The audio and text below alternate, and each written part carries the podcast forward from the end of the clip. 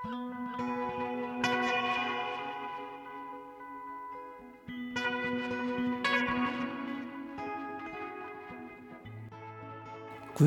Rósa Ingimarsdóttir, mannamendir fortíðar og áhrif á myndlist samtímans og Sólei Stefansdóttir í heyrandi nær.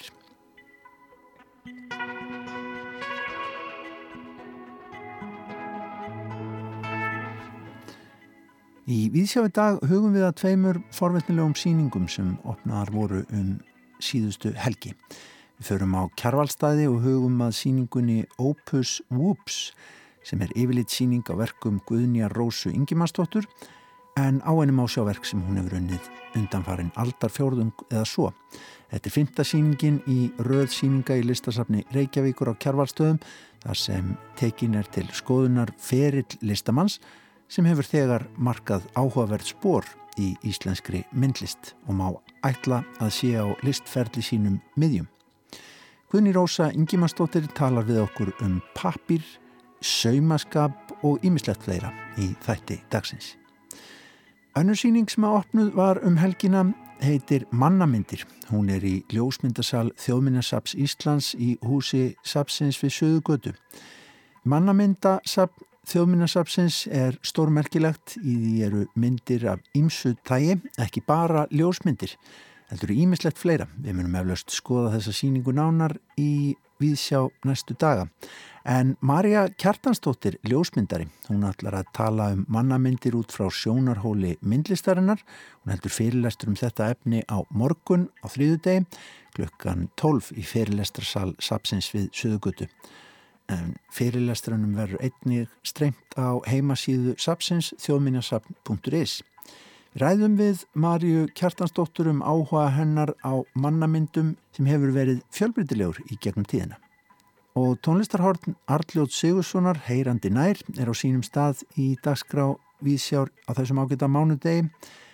Arljóður fekk til sín tónlistakonuna Sólegu Stefansdóttur í viðtal þessa vikuna. Sólei valdi tvö lög sem útgangspunkt í spjalleira En í spjallinu glittir líka í lag sem heitir Sunrise Skulls og er af nýri breyðskifu hennar sem er bara í vinslu og væntanleg í síðar hluta oktober.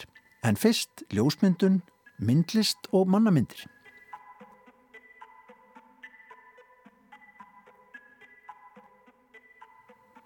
Um helgina var opnuð í myndasal Þjóðminnasaps Íslands í sapninu við Söðurgötu síning sem heitir Mannamyndasafnið og tekur nafsitt af Mannamyndasafninu sem er stór deild í Ljósmyndasafni Íslands sem er undir þjóminasafninu. Á þessari síningur að finna ólíkar gerðir mynda, þar á meðal málverk, ljósmyndir, útsömsverk og högmyndir. Breytin er því mikil og þetta er að finna allt frá því sem eru skyndimyndir yfir í ómyndaleg listaverk. Mannamyndasafnið var stopnað árið 1908 og var tilgangur þess á sínum tíma að sapna myndum af öllum Íslandingum, hvorki meira nefnina. Í því eru yfir 60.000 myndir sem að ná yfir 400 ár. Er hafa að mestuleiti verið gafir frá einstaklingum og er enn í dag tekið við myndum í mannamyndasafnið.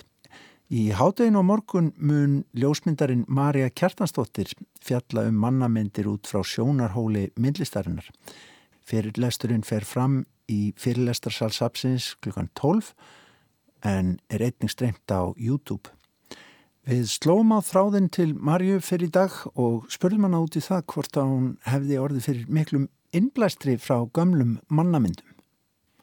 Já, heldur betur. Ég hérna svona eiginlega upprunum minn í að kynast listinni og ljósmyndun var hérna á hótel Búðum að sko 94 þá vann ég þar í nokkur sömur sem úlingur og hérna kokkarnir voru með myrkrakompu undir pínu þessum inkjallara og hérna alveg með moldarveggjum og öllu. En það sem skemmtilegt var við þetta hóteli var það var svo mikið af eldgömlum ljósmyndum hengtar upp á vegg í römmum. Mikið af mannamyndum og fólki frá fyrir tíð og og alls konar draugasögur á baku þær allar. Mjög áhugavert fyrir hérna 14 ára ungling sem hafa alveg bara opinn og, og hérna kleifti við öllu sem það sagt sko, nú veit ég ekkert hvort það var að ljúa mér eða ekki. En hérna þetta vætti rosa áhuga mér og þegar ég komst að ég að kokkarnir voru með myrkrakompu þá hjekk ég nú alveg yfir þeim hérna, næ, sko, heilur nótt nætunar að sjá það framkalla og sjá að allt byrstast með gamlu hérna á, á gamlu filmunum og, og þú veist, vögvatnir og það var svo mikið svona einhver, einhver veröld hérna, svona einhver alkemisti og þannig að þegar ég síðan uh, fer í, kem til Reykjavíkur og kemst að ég pappi á sem sé stækkara á alla græður, þá bara fer ég með hann undir hendinni til næsta ljósmyndara í hverfinu sem að heiti Kristján Sigursson og rak svona portréttstúdjó sinnitt hugskott mm. Og hann flyttist reynda síðar inn í ljósmyndastofur Reykjavíkur en þarna frá 14 aldri þá bara settist ég að hjá honum og hann kendi mér bara allt sem, sem ég lært bara allt sem að ég hérna hef lest í, í sambandi við portréttljósmyndun og, og lýsingu og, og passamyndir og hvaða hvaða sko þannig að svona, ég kemur ósláð mikið frá þessum grunni í ljósmyndinni en ákveðið hann að fara í listaháskólan mm -hmm. og, og læra myndlist. Þannig að þar blandast þetta svolítið saman hjá mér og, og ég fyrir ósláð mikið að skoða þessar gömlu mannamyndir og, og sjá svona hvernig þetta taka þær og svona setja þær í nýja búin. Hvað gerist þú tekur einhverja klassiska gamla mynd eins og ég gerði einu verkefni mínu um hérna uh, um dauðaljósmyndunar þar sem að fólki gamla dag var mikið að mynda hérna, átti kannski enga myndir af börnunum sínum og þegar farandsljósmyndari kom þá var það nýtt tækifærið og hérna, búðum barnið bara eins og að vera sofandi. Blómlaugði kring og allt flett og fínt. Og tekið mynd. Og þetta átti að vera bara til sé, minningar um barnið en, en myndi fólk að sjálfsögða alltaf bara á dauðan mm. Og í hérna mínu tilviki þá ákvæði að sjá hvað myndi gera því að tæki levandi barn og setja það í sömu uppstillingu. Um, og hérna það myndi minna á döðan en þannig tók ég mynd af dóttur minni þryggjára í tíu ári röð og þegar engi vildi lána mig batið sitt í, í þetta verkefni. En hérna en það, það tjokkar alltaf fólk fyrsta myndin en þegar þú sér hérna, verkið vaksa, barnið vaksa myndanum þá ertu allir komið nýja sína á þessa gömlu aðferðafræði. Og, og þetta er mér alltaf rosalega áhugavert í, í myndlist og ljósmyndtengri myndlist að hvað gerist þú tekur þessa gömlu, þessa gömlu hugmyndir og, og sem eru margar ennþá bara við líði eins og selfies það var Uh, sko 1891 á fyrsta selfie-velin og hvað er í gangi í dag? Það er ekki saman selfie og, og það er ímyndilegt mjög gaman að leika mér og skoða svona klassikina í nýjum búning. Og það er í raun og verið það sem ég ætla að gera bara þegar á fyrirstunum á morgun að um, sko það fjalla um síninguna mannamyndir sem að er með 34 þemu það er sko allt frá hérna, eh, ekki bara ljósmyndir, það er líka brjóstmyndir og ísömaðarmyndir og íþróttamannamyndir og hitt og þetta. Það eru hérna sískinamyndir, heim í stofu, mm. hitt og þetta og, og, og svona aðeins að taka þetta og sjá þetta svona út frá augum myndlistarkonu og, og hérna og hvernig þær hafa svona þróast og blandast inn í listheimin í dag. Mm -hmm. Þannig að, já.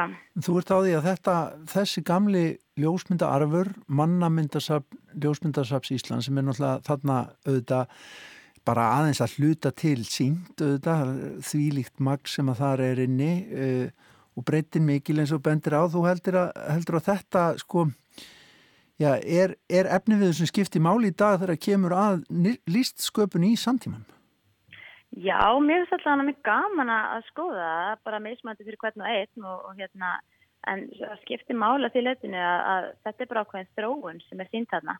Allt frá bara fyrstu mannamendinni og, og Jóni Sigursinni og, og eitthvað svona sem var raun og veru fyrstu popartistinn því að hann var fyrsta fjöldaframleita myndin sem, sem átti að vera ódýst framleita og komast inn á öll heimili eins og plaggutinn af, af popstyrnum er í dag sko. Mm -hmm. Og mér finnst þetta svo skemmtilegt að skoða en, en líka bara þróunin í mannlífinu og, og, og hvar við vorum í stjættaskiptingunni og, og hérna öllu því bara til, til að mynda er, er ein hérna eitt svona eitt þemað mynd, skeggjamyndir já, bara menn með skegg því að það var átti að uh, því meira sem skeggið var, það voru svona bændur og lástættumenn voru með meira skegg að því að þeir hefði ekki efni á að eiga raknif og svo þegar, þegar fleiri og fleiri voru eignast raknif og þá fór að koma tískan fór þá að koma inn í þetta og þú veist og það er þessi þróun sem að er einhverju skiptinu miklu máli í listasögunni líka hvernig tíska verður til og, og þetta er alltaf það sem að myndir hafa áhrif á okkur, það er búið til tískubylgjur. Það er, það er láta okkur vilja vera með einhvern standard og sína okkur hver við erum og ekkert endla alltaf við réttu ljósja því að þó ljósmyndin sér óslega svona nákvæm eftirbrend af, af uh, mannamynd eða af höndum eða hversu sem þú vilt kalla sem sjálfsmynd þá, þá erum við alltaf með einhverja pínulegsa líi í því samlega því að, að því að auðu ljósmyndir að þau koma með ákveðið á borðið og, og, og líka manneskjan sjálf, hún er ekkert endilega að representa alltaf nákvæmlega hver hún er þegar hún fer í sitt sínasta pús og, og þetta er bara alveg því það Einmitt, og svo er það, svo er það valið, valið á rammanum og öllu því. Hvernig maður Já. stillir upp. Algjörlega og það er skemmtilega ásari hérna síningu að þá er einmitt einn hérna eitt táturinn að það, eitt þema sem að heitir, nú mann ekki alveg hvað það heitir en það var sem sé svona minningar myndir eða þú veist að upphefið einhvern annarkort að manneski sem er dáinn og þú veist með hárlokka eða einhvern fallega ramma eða e, þú vilt eiga mynd af móðinni sem mikil handverkskona og rammin er allir útsaumaður eftir hana og það er svona hvernig þú getur komið oft, fólk vil oft koma með meira heldur en bara myndin, svo myndin sé ekki nóg en svo þurfum meira af sálmanneskirnar inn í þetta, það er svona já, það er svona einhver upphafning í því að, að, að, með meira og og ég meina þetta er líka þannig þá þannig vinn ég líka í dag. Ég vann ekki bara með ljósmyndin sem á tímabili. Svo fór ég að koma með hljóðverkin í þetta svo fór ég að sauma með myndir. Og svo fór ég að gera vítjuverk og, og stuttmyndir. Mm -hmm. og hérna samlega mín þetta mér fannst alltaf hjartað einhvern veginn vanta í. Mér fannst einhvern veginn ljósmyndin ekki mér fannst svo flött og, og ekki nógu svona sína dýftina í sál manneskinar mm. og, og ég held að það hafi fólk alveg fundið þarna líka og, og þess vegna er að tróða einmitt hárlokkum og öðru með á myndir og, og ég menna við, við hefum ekkert breyst í kjarnan í þessi þúsundu ár. Bara, bara alveg eins að bara tæknin er, er hérna tæknin hefur breyst og, og okkar náttúrulega. Og ofgnótt mynda át um allt auðvitað. Já, það er bara, nú er allir ljósmyndir Einmitt. Nú hefur þú Marja, sko, þú ert mentuð í Glasgow School of Art og, og hefur svo farið víða búið í London og Paris og Glasgow og, og svo hér í Reykjavík og unnið með, eins og segir, með ljósmyndina. Er þú ein af þeim sem er alltaf að glápa í andlit, að, að hérna, heilla andlit þig?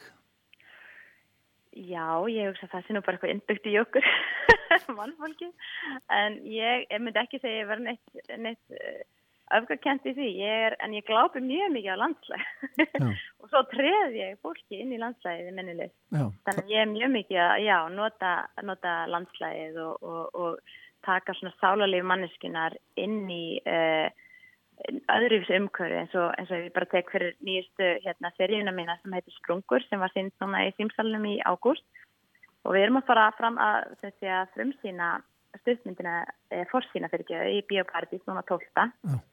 Og þetta, þá er ég að fjalla um, um mannesku sem að uh, er búin að díla við uh, geðrann vandamál og er nýkominn út á spítala og hvað þessi manneski er að upplifa svona og erfitt með að tengja samfélaginu. Þannig ég tek, tek þessa manneski og setja hana bara inn í sprungu á snæfellsnesinu. Þannig að þannig leikir mér í dag við að taka, taka myndirnar eða, eða fólkið úr svona þessu klassiska auglista umhverju sem hefði getið verið íbúður ekki og staðsitið hana í nýtt umhverju alveg sem ég gerði með myndirnar uh, klassísku myndirnar í gamla dag og setti þær í nýjan búning þá er svona leikum með það í dag að nota umhverju meira. Ég þróst þetta í það að, hérna, til, að, til að takna svona, já, hvað er sálalíf manninskinar, opna þannig á, á miðluna og í kveikmyndaforminu núna nýjast Einmitt. Það er ekki þannig að þú eldir fólk sem hún sérð og, og, og hérna, interessera þig út á götu og verðir að taka því mynd Jú, ég gerði það. Hún það gerði var mörg ár, ég tók alveg þannig tímabil. Já. Ég fór þreysast til Grænlands og, og hérna og myndaði svona uh, mannlífi þar og svo bjóð ég í hellum á, á spánu með dóttur minni og, og svona myndaði þámenningur sem var náttúrulega allt, allt öðruvísi mm. og, og ég heipa á skói og ég veit ekki hvað hvað og ég tók heila serju hérna, unglingum á djamminu, það var nú útskriftaverkefni mitt í listaháskólanum árið 2005 þar sem ég eldi yngri sískinu mín á öll mentarskólabölinn og myrtu allan ósamann ég er ekki fyrir sem ég mæti gera þetta í dag. Já. en það, ég er svona til að ég hafi náð svona essensinu og fegurðinni í hormónasamfélaginu þar. Þannig ég er alltaf alltaf til einhvers konar samfélagi eða einhvers konar umhverfi um, ekki bara bent andlitið heldur sett manneskina meira í umhverfi og, og tólkana svona sem, já, í, í einhverjum svona flokk eins og unglinga eða hippa eða eskimo, skilur þú veist, það er ofta er ekki kannski bent einu og einn manneski sem ég e, fókusur á portrétið, ekki nema þegar fólk byrði með að taka myndir mm. af sér þá gefið ég nú alla, alla mín aðtegli Gaman að heyri þér, Marja Kjartansdóttir ljósmyndarið, þú ætlar að ræðum mannamyndir út frá sjónarhóli myndlistarinnar, fyrirlesturinn á morgun Já, á þriðju degi klukkan 12 í fyrirlestrarsal þjóminnarsapsins og er vist á YouTube strengt líka. Já, bara, ég bara endilega að fólk hérna, hefur áhuga á þessu málefnum og, og mannamyndum og svo er það aldrei að vita nema að þú þekkir einhvern á, á svíningunni því þetta eru sko ógrinni alltaf af ótrúlega fallegum og klassiskum hérna, myndum sem hafa verið valið inn á hana. En, en bestu takkir fyrir spjallið og hérna, bendum á þetta og bendum á þessa forvétnilegu síningu sem við munum öruglega að skoða betur hérna í viðsjáðarinn að langt um líður Marja Kjartansdóttir, takk kælega fyrir spjall.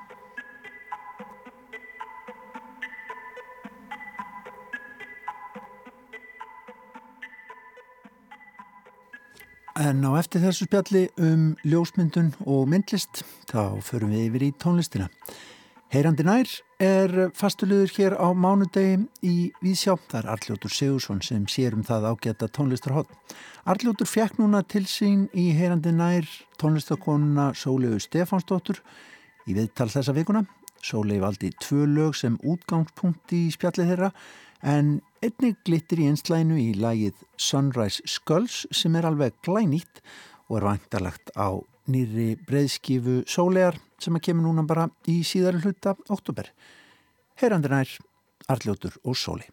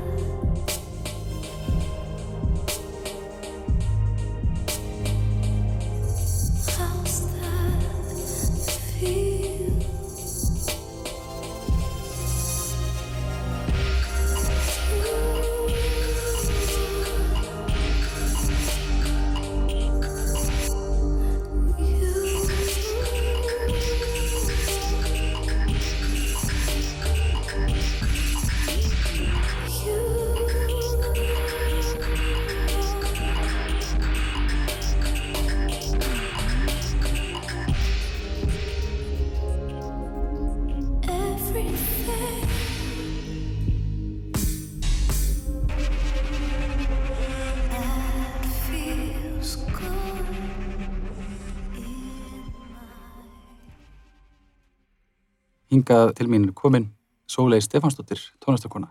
Velkomin. Takk kjalla fyrir. Getur þú sagt okkur eitthvað frá þessu lægi sem þú valdir? Já, þetta lag heitir How's That og er með tónlistakonni FKA Twigs. Það er fyrir eitthvað gamall lag og ástæðan fyrir ég valdi það var, þetta er ekkert eitthvað uppáhaldslægi mitt, alls ekki, en það er svo margt í þessu lægi sem að hérna, ég hef einhvern veginn tekið með mér inn í bara mína tónlistasköpun. Uh, uh, það er aðalega það sem að dregum mig alltaf aftur að þessu lægi er uh, sagt, takturinn eða bítið í kórusnum, viðlæginu eða bjökkablanum, hvað sem við viljum kalla og hérna hann er svo, hann er svo yfirgnæfandi og, og, hann er svo hann hljómar svona eins og bara mjög vennilegur taktmælir einhvern veginn. Já. og er svo skrítin og hann er svo hár og hann er svo mikið bara einhvern veginn e, í andleitin á manni sko. Hann já, já, mér veist eitthvað svo geggja við það sko á sama tíma er eitthvað pínu pyrrandi að þá einhvern veginn sæki ég oft í að hlusta á þetta lag bara því mér finnst þetta eitthvað svo skrítið og skemmtilegt sko eins og að stinga rýtingi inn í hljóðmyndina. Svolítið, já, svolítið svona áhugaverð og svolítið svona, uh, já, þessi listræna ákvörðun að,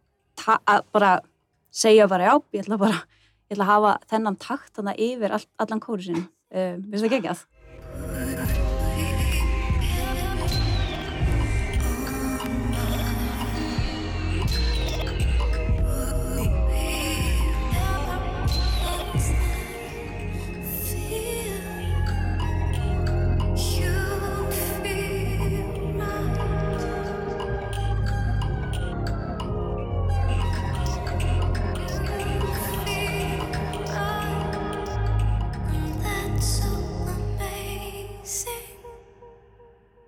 Hún er aðlagandi en hún er líka skrítin og hérna hún einhvern veginn, hún augrar, þú veist, hún dregur mann inn í popheim uh, en á sama tíma þá einhvern veginn uh, hendur hún inn svona litlum skrítnum konfektmólum hér og þar, þú veist, sem að, sem að ég sem svona tónlistæða áhuga kona er bara, wow, þú veist, til í þetta einhvern veginn, það ekki ekki að. Og hún líka syngur svona, hún, syng, hún er ekki með, þú veist, einhverja öskurödd sem ég, ég tengir rosa mikið við tónlistakonur sem eru kannski ekki uppi. Ég tengir rosa mikið líka við tónlistakonur eh, sem öskra eins og hérna, það er ein uh, tónlistakonur sem heitir Lingua Ignota. Uh, hún var, að, hún er búin að gefa út núna plötur síðustu ár og var held ég að gefa út plötur bara núna á, á þessu ári og hún öskra rosalega mikið, hún er rosa reið, hún hérna gaf út plötu um mjög uh, ofbeldisfullt samband, ástarsamband sem hún var í og sem er rosalegt en á Já. saman tíma, já, þá, hérna, þá, þá er einhver fegur í því að uh, kvísla það er, það er smá vald það er svolítið valdeflandi að kvísla finnst mér stundum, mér finnst það eitthvað mér finnst svolítið svona að standa upp á sviði og geta sungið ótrúlega lágt og það er allir að hlusta að það er bara ég þarf ekki einn svona öskra til að geta sagt það sem við þarf að segja, sko. Það er svolítið nett. Þið, þið notið báðar innri röddina kannski. Já, kannski. Innri röddina, já, velkjörlega.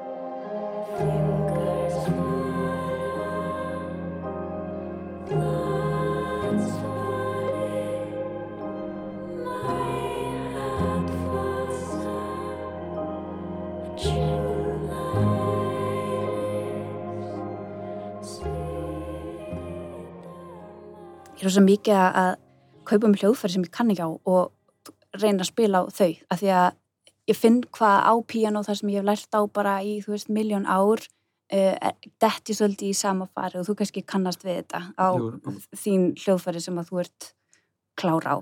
Þannig að eins og til dæmis ef ég, uh, þú veist, spila harmoníkuna sem að ég lærði aldrei á en er náttúrulega vissu, vissulega svipað og píano en það er samt einhvern veginn á hlið Já. og ég þarf að þennja út belgin, þú veist, þannig að hljóðfæri andar Já. og uh, þú veist, ég með báðar hendurna sé ykkur megin og vinstri hendin er hérna á bassanum og hægri á þessu, að þá upplifa að ég leifi mér að gera einfaldra hluti, til dæmis sem að getur verið djarft, þú veist, þegar maður er hérna svona hljóma nörd, eins og ég elska hljóma og ég elska hljóma struktúr og gera skrýtna hljóma, ganga og eitthvað svo leiðis, að þá getur verið mjög djarft fyrir mig að gera lag í taumur, með taumur hljómum eða eitthvað, eða taumur nótum, þú veist. Já, Það getur verið mjög, mjög frelsandi, sko. Þannig að, hérna, veist, ég hef svolítið verið að vinna með það og það er kannski svona, það djarfa í mínu er að, að veist, spila á cello en kunna ekki, hafa samt alveg eira fyrir því, fatturu, Já. en leifa sér að gera uh, einfaldari hluti einhvern veginn og já, þeir hljóma aldrei eins og kannski eitthvað svona, einhver sinfoníu einhver selló leikar í sinfoníunni var að spila en það er sjarminn líka sko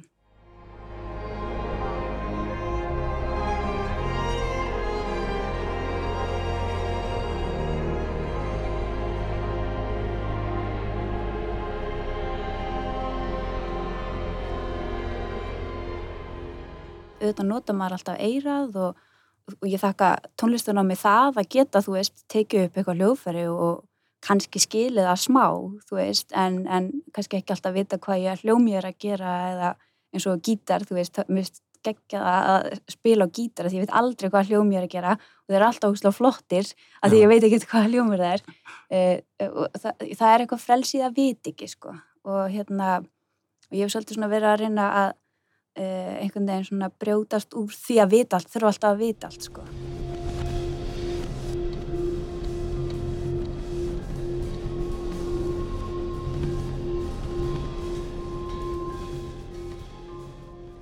Fóra að nota það mikið bara í minni tónlistasköpun að leifa mér að líka að sampla og fóra að sampla rattina mínar og, og reynda að hafa þær ekki pitsi og bara svona reyna þess að ruggla taka mig í burtu frá þessu vestræna kerfu, ég er ekki að segja ég sé eitthvað farin í einhverja, þú veist, einhverja miðausturlenska músíka eða eitthvað svoleiðis, en ég var samt mjög heitluð af, þú veist, eins og hvernig strengir eru notaðir í miðausturlenskri músík, þú veist, bara allt þetta slæt upp og niður og við erum alla þessa tóna og alla þessar sínurspilgir inn á milli, þú veist, allt þetta á milli C og D til dæmis. Já, Þú eru bara með heilan heim af, sko, hljóði sem svo ótrúlegt, sko. allan skalan. Allan skalan, já, nákvæmlega. Og að heyra næsta lag, lagið Hatur með Heklu. Já.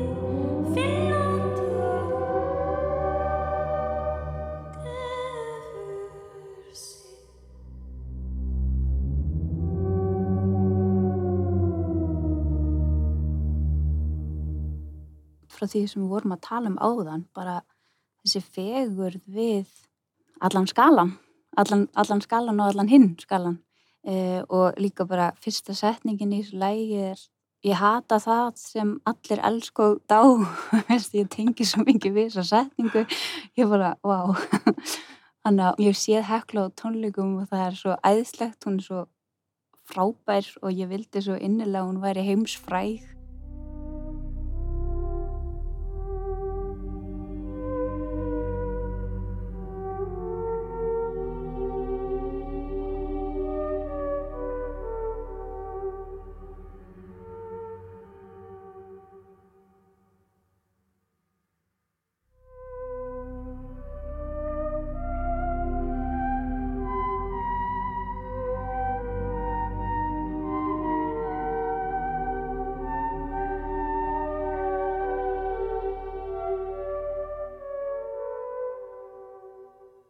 ég sé að þú veist, þá þú tekur hún línu og spilar hún hana sem sagt aftur og bak, Aftur, já. reversar eh, línunni sem að þá er hún vantalega kannski búin að semja hana þannig að hún virki skiluru í bara áttina þannig að það er svo margt, margt í þessu sko og einfaldleikin líka og rýmið og koma sér út úr því að þjóna einhverjum streymisveitum eða einhverjum eirum út í heimi sem að kalla á eitthvað þá geta þau bara hlust á all hinn miljón lögin sem eru til sko.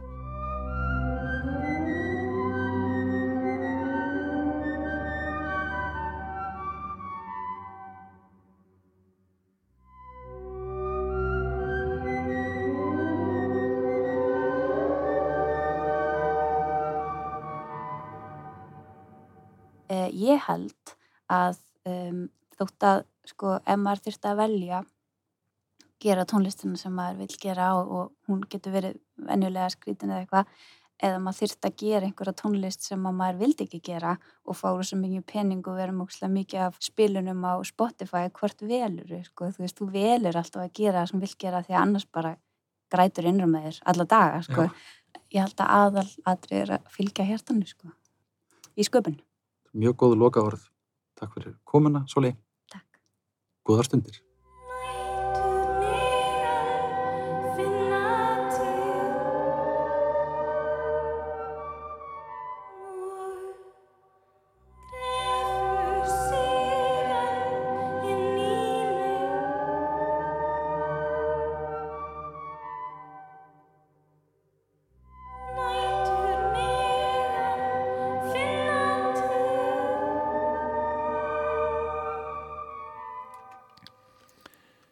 Það var Arljóttur Sigursson sem að fekk Sólegu Stefansdóttur til sín í tónlistarhornið Heyrandi nær. En aftur ætlum við að huga að sjónlistum hér í Víðsjá.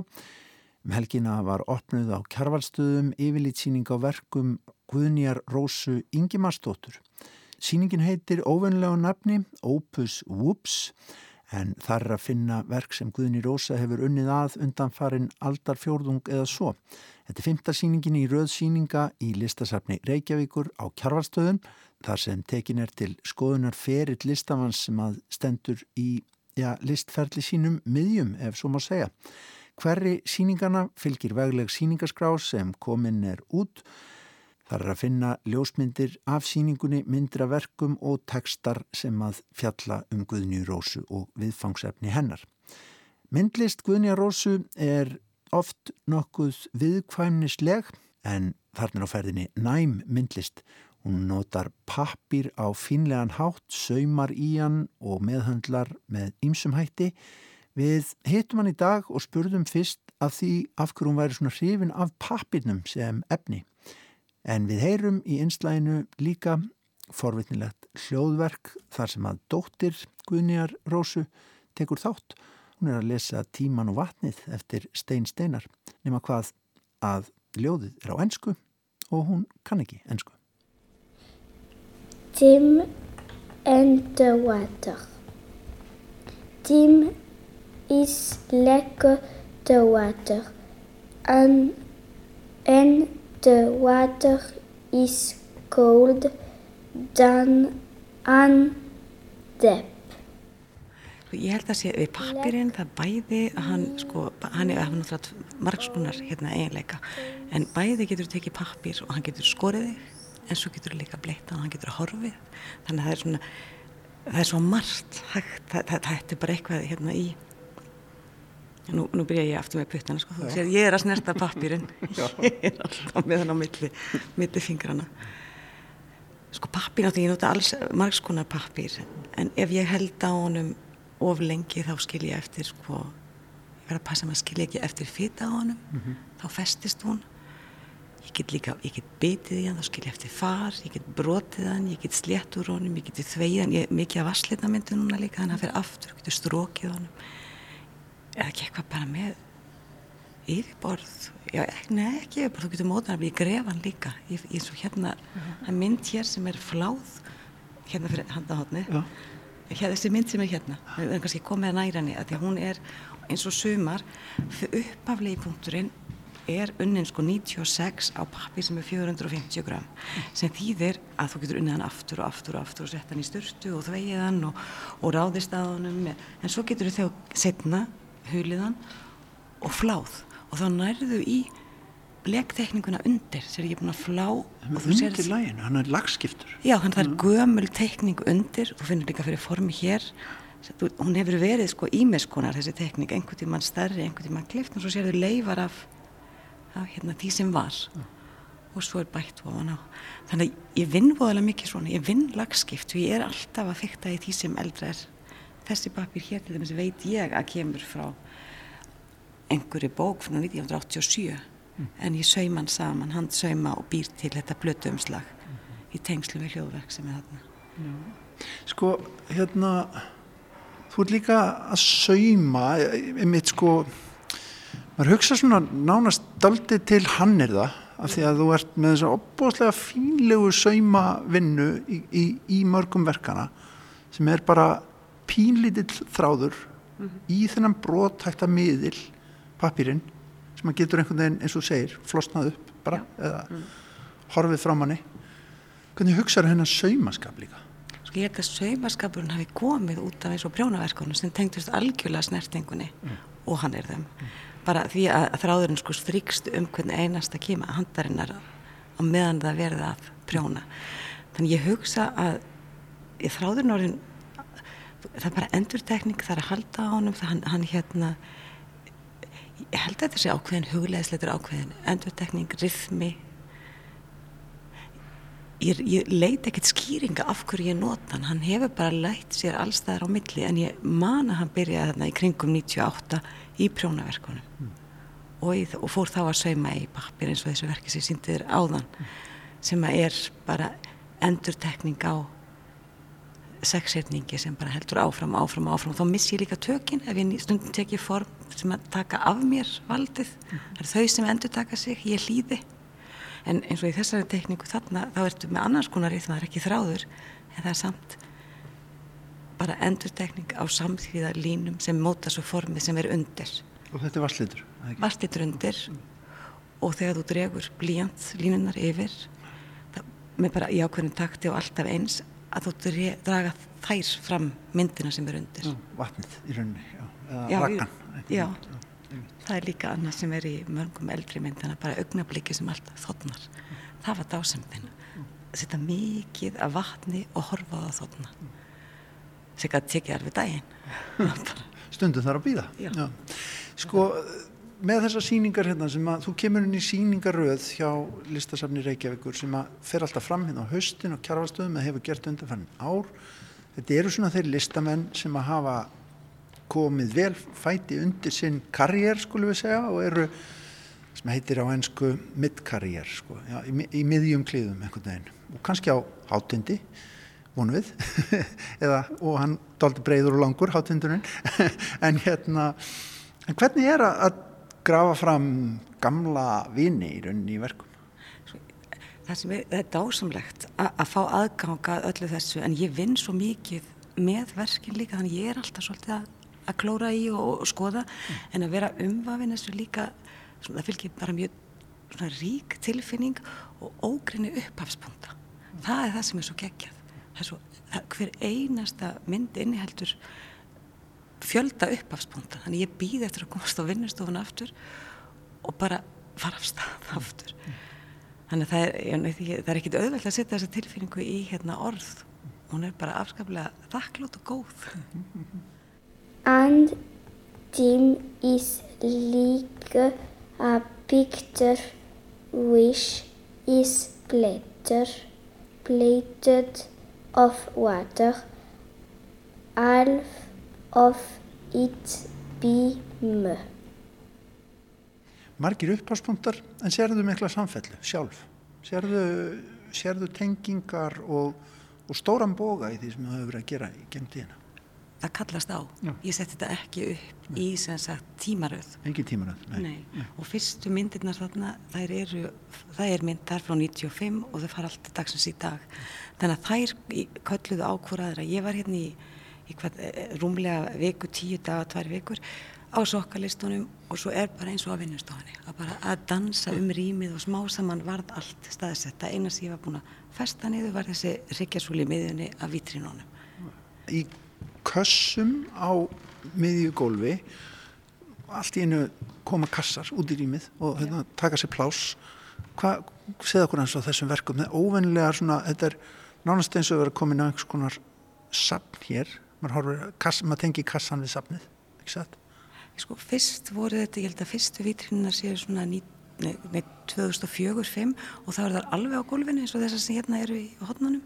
útskýru vítrínur Það, ég horfi ekki á þetta sem síningarkassa, ég horfi á þetta sem einmitt, ég tengi þetta alveg við svona söfna því leytunum til að þetta eru augnablik og ég loka aðeins á þeim, þau eru, þau eru sett saman í hérna, sagt, já, í það sem ég kalla vítrín og eru kallaðar vítrín, þetta er undir glerið, þetta er varið eitt augnablik, eina stund, þá er þetta þarna og það er varið, þú kemst ekki að því. En þannig ég tengi alveg við þegar þú segir sko eins og í söpnum, þú ert að ná í litla hluti sem þú setur sama lítil fragment. Hérna er bara fullt af litlum augnablikum sem eru staðsett, hvort eru reyðurnifnir regnbóðar eða, eða fláðar ljósmyndir eða litlar í gleri. allt fínlegt, mjög fínlegt það er það, sko er það bara einhvern veginn já, eiginlega sko ef ég má spyrja eh, er fínleikin út pældur eða, eða kemur hann bara þín, er það þannig svo vinnur eða er það ábærslega meðvitað? Ég hugsa sko að ég meiði varlega, ég er alltaf með krupninganífa og ég flái og ég sker en varlega. Þannig ég, hérna, þetta hefur bara orðið svona. Og fýtna og fýtna og fýtna. Einhvern veginn verður minna og minna og minna og, maður sér það sko eins og á, á tölustöfunum sem er eins og það eru, það er talningar þarna í hotninu. Ég setti viljandi eina sem er frá 2010 og það sem að fyrstu tölustöfunni koma fram og hinn eru valla læsilegir sem eru sko einhverjum árum setna sem að vilja handan við hotni. það er sem sagt, Ég verður að lauma þér handan við hotni Já. til að sína þér. er það af því að þeir eru í raunni já, eigðast er, er, er, er einhver eh, er eitthvað sem hverfur í verkunum líka En eh, ég eigðast og ekki eigðast, það verða samt ennþá, hafa ennþá meira vægi en þeir verða ennþá minni, ennþá hvítari og þeir hverfin einhverja svona þóku oft. En ekki endur að til þess að láta þá hverfa heldur bara til þess að vera nær mér kannski. þeir eru hérna handan við hotni. hér sjást ekkert nema bara daufustu raunni Já, er upphæðlega, en þú sér þetta er hérna gvass sem lekur og það er gvassið sem ákveður þá hvar skal skrifað og svo er, er bara lekin talin. Þannig hann stoppar hér, ég ræði ekki hvað hann stoppar, hún stoppar línan og svo byrja ég og hlýði. Sko ég fyrir að hugsa um, ég fyrir að hugsa um talnabönd, svona eins Já, og, ég- eins og í svona hérna, katholskum þetta- þetta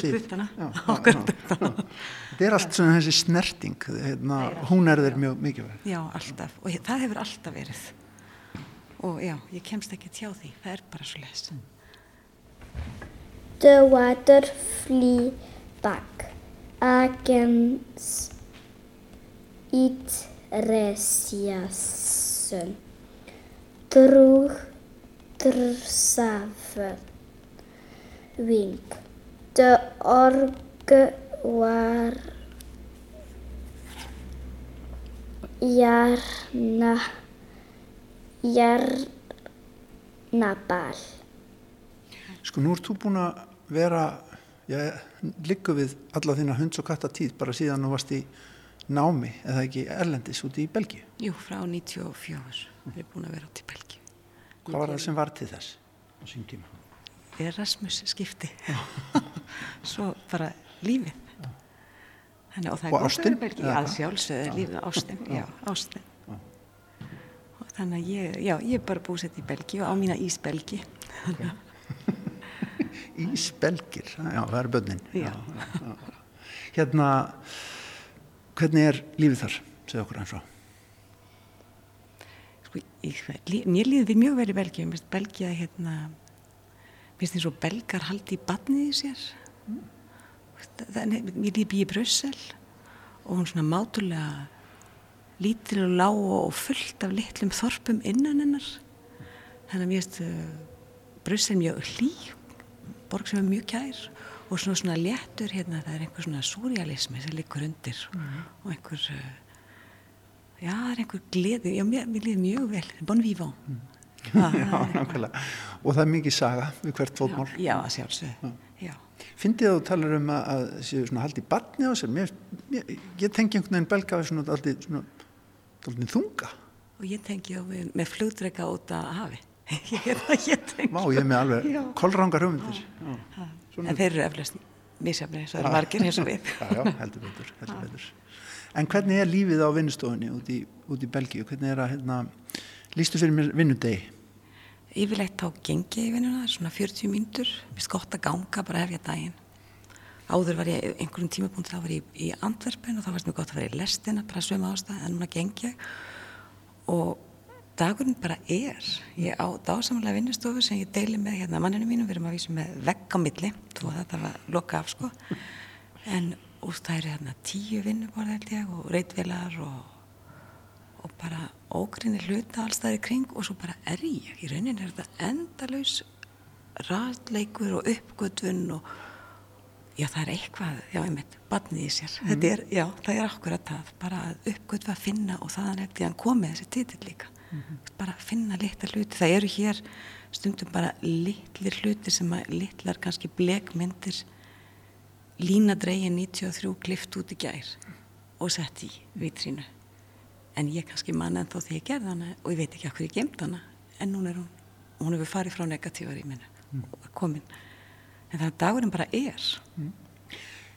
Það er þá þannig að þessi titill, opus, whoops, um, það er bara svona, þú slýsast á það sem þú finnur í raunni, pínliti. já, í rauninni leitar það mig upp í jafnvel ég er ekkit endilega að leita að því. Já, það bara já, það, það bara gerist. Og titildin bara gerðist, hann bara var. Frá upphafið það var hann bara svona kannski verið, kannski var hann upphafið bara verk einhvers staðar, hann er hann læðir sér á teknikar líka heldur sér í tveimur teknikum, en valla sést. En hann var hann Og þetta er skrifað opus og svo O-U-P-S, whoops, sem er þá svona daldi belgíska, sem er náttúrulega frönskum mælandi Já, og, en sem bætir þá við þessum, hann verður til líka út af stafarauglinu því ég er alltaf eitthvað að hérna, leika mér við, með svona að, að hérna, skilja á þess að skilja. Bara halda áfram með, með hlutina. Þannig að stafir þeir eru ofta að hérna, púsla sér svona, ég get strókað út og, og hérna. Nei, já, ég veit ekki alveg hvernig ég get útskýrt það þetta er bara svona, já stundum eins og bara maður var að leika sér sem barn að taka saman nöfn og búa til nýjirði með blöndun og hérna skemmta sér. Og við Íslendingar segjum ups með U-I, P og S-i, en, en, en það, þetta er það sama, þetta er, hérna, þetta er svona galdurum við að finna eitthvað. já og þetta á íslensku er einmitt á öðru verki þarna niðar eldra, þá stendur ups fyrst stendur bara ups, UPS já, þannig að hérna það er líka annað, tungumáli náttúrulega þau eru bara, þau eru almennt sér tvö og svo tekið þetta þriðja sem ég nota áður ennskuna og ég, og þau bara eru þarna í einhverjum graut í kollinum sko. Og þau koma oft inn í, það eru textar í verkunum sumum. þau koma í rauninni alveg eins og bara línan. Ég er kannski bara að vinna og svo stend ég upp og fyrir rítvilinu og skrái eina. Þannig að þau eru bara stöðugt að. Og jafnvel eins og þetta sé sko samtal bara hvort sem það er við, við hérna pappirinn, við, við litin eða bara við lífið almennt. Ég spjalla stundum, svona stundarhátt og, og, og þau bara koma, setningarnar. Og það skráði það niður á rítvel ekki tölvu, bara, það má enga tölvu á vinnustofana, það er bannað. Þannig að þú ert í rauninni að yrkja. Já, í rauninni er ég alltaf að yrkja. Þetta er bara, þetta er bara augnablik. mynd yrkingar eiginlega. Guðni, takk kærlega fyrir spjall Takk fyrir. I fin de resistance of team. Fallis, falling powerless truth. The softness of the water. Will eternity cause with me inexplicable triumph in its age. Já, hljóðrásin úr hljóðverki Guðnjar Rósu Ingimarsdóttur. Þetta er eitt verkana sem er að finna á síningunni Opus Whoops sem að opnur var um helgina á Kjarvalstöðum. Þetta er yfirlitsýning með verkum Guðnjar Rósu Ingimarsdóttur sem við rettum þarna við. Falleg og næm síning einhvern veginn sem er gaman að ganga um og skoða og eiginlega stinga nefinu alveg að myndunum. Þetta virkar einfalt í upphafi en er kannski flókið eins og samtíma myndlistin er jú oft.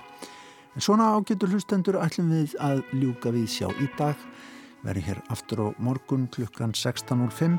Bendum á að alla viðsjár þætti okkar má finna inn á spilaranum á rúf.is í hlaðvarpi og í smá forriti rúf. En fylgist endilega með okkur áfram. Það er nóg að gera í menningarlífinu. Takk kjærlega fyrir samfélgin í dag. Verið sæl.